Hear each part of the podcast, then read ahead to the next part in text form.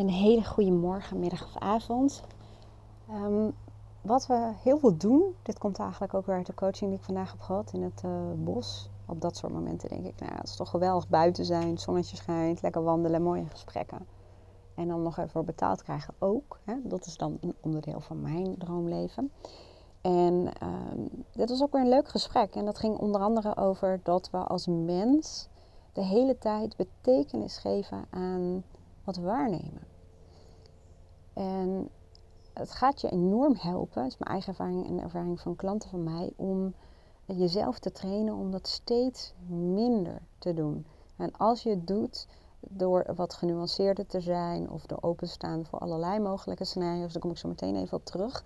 Want weet dat je heel veel energie kunt verliezen door betekenis toe te kennen aan bepaalde zaken. En natuurlijk is er onderscheid tussen of je er een positieve of een negatieve betekenis aan toekent. En ik geef je gewoon twee voorbeelden die uh, zojuist ontstonden. Bijvoorbeeld, ik ben terug en ik zie um, dat ik een gemiste oproep had tijdens de coachsessie. En uh, ik kijk even naar het telefoonnummer en denk, oh, dat is het installatiebedrijf die bij ons een deel van de verbouwing voor de rekening neemt. En zij komen morgen de hele dag. En mijn allereerste primaire gedachte is, oh, straks gaat het niet door. Of uh, willen ze een andere uh, dag afstemmen. Dat is een betekenis. Hè? Een blijkbaar mijn primaire betekenis die ik daar aan toeken. Terwijl ik ze nog helemaal niet gesproken heb. Ik zie alleen het gemiste, uh, de gemiste oproep en het nummer. En wat er dan vaak gebeurt is dat je voortborduurt op zo'n gedachte. In mijn geval van, oh, Straks willen ze um, duurder, godzijdank maar kort, ik zal je daar meer over vertellen. Maar van straks willen ze, uh, kan ik doorgaan, willen ze andere dag afstemmen. En heb ik morgen voor niks vrijgehouden, la la la la la la la. Je kunt je voorstellen als je hierop voortbeduurt, wat dat doet met je emoties. En wat dat dus eigenlijk ook doet met je energieniveau. En wat dat ook doet met je stemming. Nou, omdat ik dit natuurlijk zelf ook heel erg veel train, kwam er al gelijk een secundaire gedachte. En uh, dat is een zinnetje wat ik altijd gebruiken. Ik moet eigenlijk patent op aanvragen, want het werkt gewoon als een malle. En dat is, dat kan. Maar dat hoeft niet. Er zijn nog heel veel andere scenario's mogelijk. Want ja, het kan. Dat ze bellen. Dat er een andere datum geprikt moet worden. En stel dat dat het scenario is, dan kan ik mezelf een andere vraag stellen dan wat ik voorheen deed. Dat er dus een nadeel is dat ik voor niets heb vrijgehouden. Kan ook zeggen, wat is het voordeel daarvan?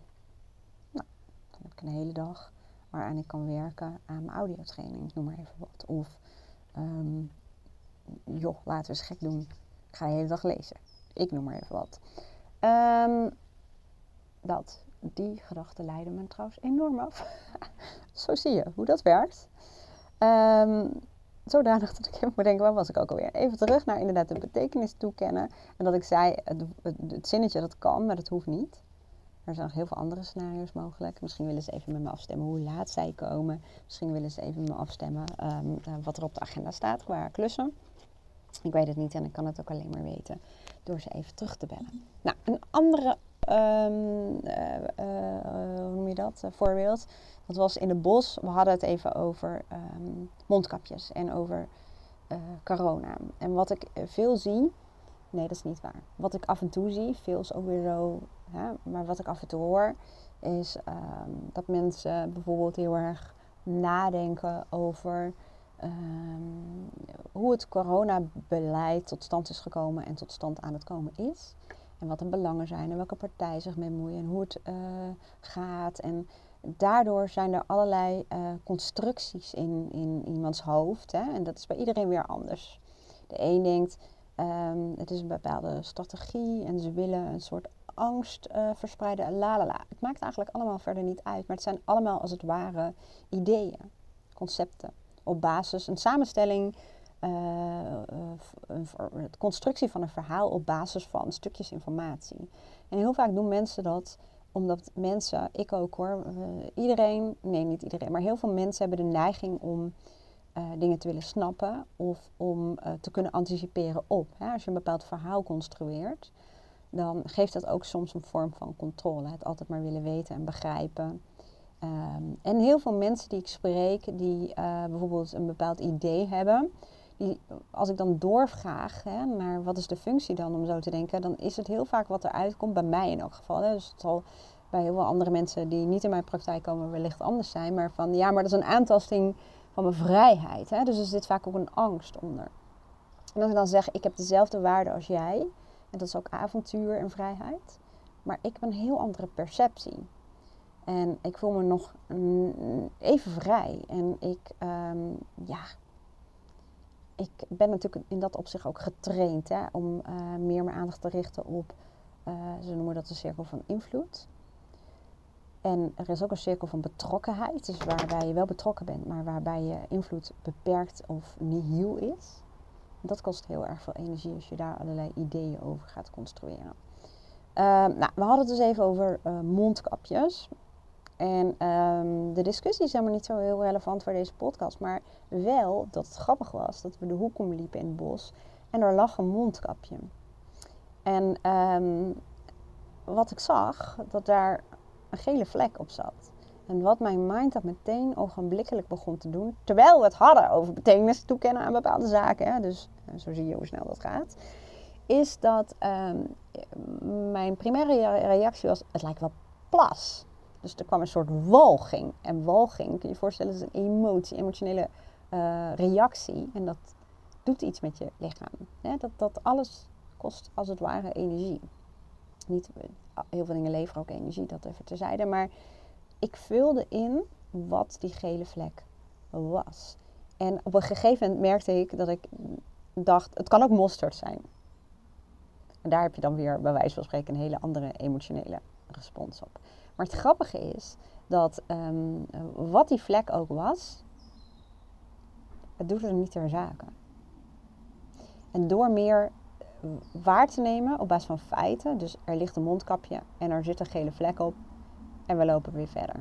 Ja, of je neemt een besluit, wat ga ik daarmee doen? Ga ik hem oppakken?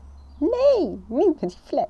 Maar of uh, laat ik hem liggen. En overigens, ik pak regelmatig plastic en andere dingen op in het bos, omdat ik dan betekenis toeken aan, oh, straks raakt een hertje daarin verstrikt of iets dergelijks. Maar ik geloof nog niet per se dat een mondkapje een uh, hert uh, tot stilstand zal brengen, zullen we maar zeggen. Maar goed, nu wij, wij, wij hoe zeg je dat? Nu dwaal ik af. Um, maar waar het eigenlijk ook om gaat, is dat um, die persoon zei ook, maar hoe kan het dan dat we dat doen? Want eh, ik doe dat gewoon zo snel. En ik ook, hè. Nogmaals, ik ben getraind, maar ik doe dat ook. Maar omdat het ook um, een programmering van ons brein is. Ons brein is geprogrammeerd primair om ons veilig te houden. En daardoor is het echt enorm belangrijk dat ons brein op basis van waarnemingen uh, kan concluderen of iets bedreigend voor je is, of gevaarlijk of ongevaarlijk. Ja, als wij in het bos wandelen met z'n tweeën, dan um, kijken we ook om ons heen. En uh, ons brein wil ook betekenis toekennen aan wat we waarnemen met onze zintuigen. Als ik met Aaron het bos loop, s'avonds hebben we wel eens gehad dat we bijvoorbeeld een bepaald gekraak horen. En wat we vaak doen op dat moment is dat we ja, kijken bijvoorbeeld waar komt het geluid vandaan. Kijk je, als, nou je snapt wat ik bedoel, maar dan wel proberen te traceren waar komt het geluid vandaan. En dat doe je eigenlijk ook om betekenis te kunnen toekennen aan is het een tak die zo meteen op ons hoofd gaat vallen bijvoorbeeld of is het een hertje wat we graag willen zien of een wild zwijn of whatever. En um, dus dat is een natuurlijk iets wat we doen. Alleen ons brein is nog als het ware geprogrammeerd als zijnde dat we in de oertijd of in de jager-verzameltijd uh, leven. En uh, daarbij waren een aantal zaken onwaarschijnlijk een stuk eenvoudiger. En dat wil, wat ik daarmee bedoel is dat er um, veel minder verschillende soorten prikkels waren dan in uh, de huidige maatschappij. En um, dus werkte dat betekenis toekennen aan datgene wat je waarneemt heel erg functioneel. Maar nu, op een dag, verwerken we zo ongelooflijk veel prikkels. En ik moet eigenlijk in eerste instantie zeggen, we nemen zoveel verschillende dingen waar, wat je kunt benoemen als prikkels. En we gaan dat ook verwerken. Maar hoe meer je betekenis toekent aan bepaalde zaken, ja, dat kost een bepaalde verwerkingstijd en dat zet iets in gang. En hoe meer je jezelf gaat trainen om ehm, ja, onderscheid te maken wanneer je uh, erop voortborduurt als het ware en wanneer je gewoon probeert bij de feiten te blijven. En dan, ik merk zelf dat mijn uh, hoofd schoner blijft, opgeruimder blijft daardoor. En dat ik heel uh, goed en nog steeds niet perfect, absoluut niet, maar wel weet wat is relevant en wat is niet relevant voor mij. En ik valideer dat heel vaak aan de hand van bijvoorbeeld een, een doel. Ik zeg vaak hoger doel, maar dat klinkt ook weer zo. Halleluja. Maar um, even een voorbeeldje. Hmm, even denken hoor. Ja. Ik heb, normaal heb wel voorbeelden paraat, maar uh, vandaag blijkbaar even niet. Um, heb ik een voorbeeld. Waaraan ik dus zeg van, nou ja, laat ik het zo zeggen, om als het ware te kunnen bepalen of iets relevant is voor jou of niet, helpt het wel om, ja, ik zeg altijd geconnected te zijn met je hogere doel. Want dan weet je of je er wel of niet wat mee wil.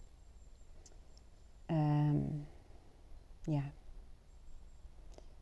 Net als mensen wel eens zeggen uh, dat ze bijvoorbeeld um, werk hebben, wat voor 90% past bij ze.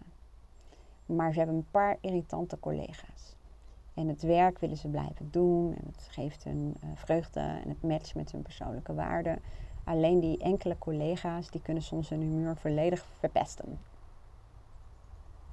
En dat opzicht zou je dus kunnen zeggen, uh, probeer dus even weer contact te maken met je hogere doel. En wat is dat? Nou, dat is even heel simplistisch gezegd. Bijvoorbeeld iemand die zegt, ik wil met plezier naar mijn werk gaan en ik wil mijn kwaliteiten kunnen benutten. En ik wil als ik naar huis ga uh, een, een voldaan gevoel hebben en ik wil leuke contacten hebben met collega's, inspirerende gesprekken. Ik wil het maar bij bij staat hoor. Maar um, als dat is wat je graag wil, je doel en je intentie als het ware, en er zitten nog wel meer doelen achter, maar die laat ik even achterwege, dan kun je op dat moment je afvragen of uh, betekenis toekennen aan het gedrag van een bepaalde collega, of dat bijdraagt aan je doel.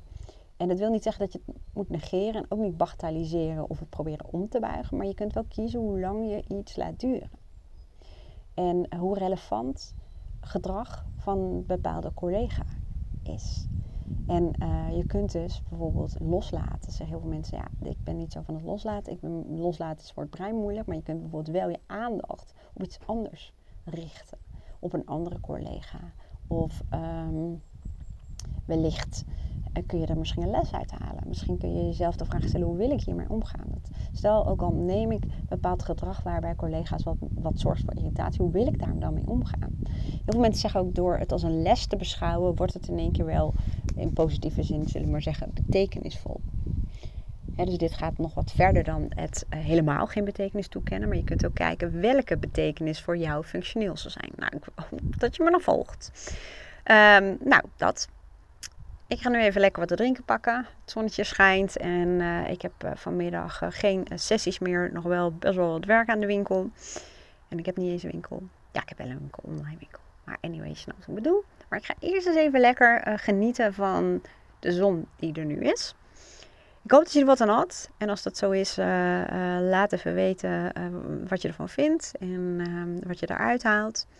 Dankjewel voor het luisteren. En heel graag tot de volgende podcast. Doei!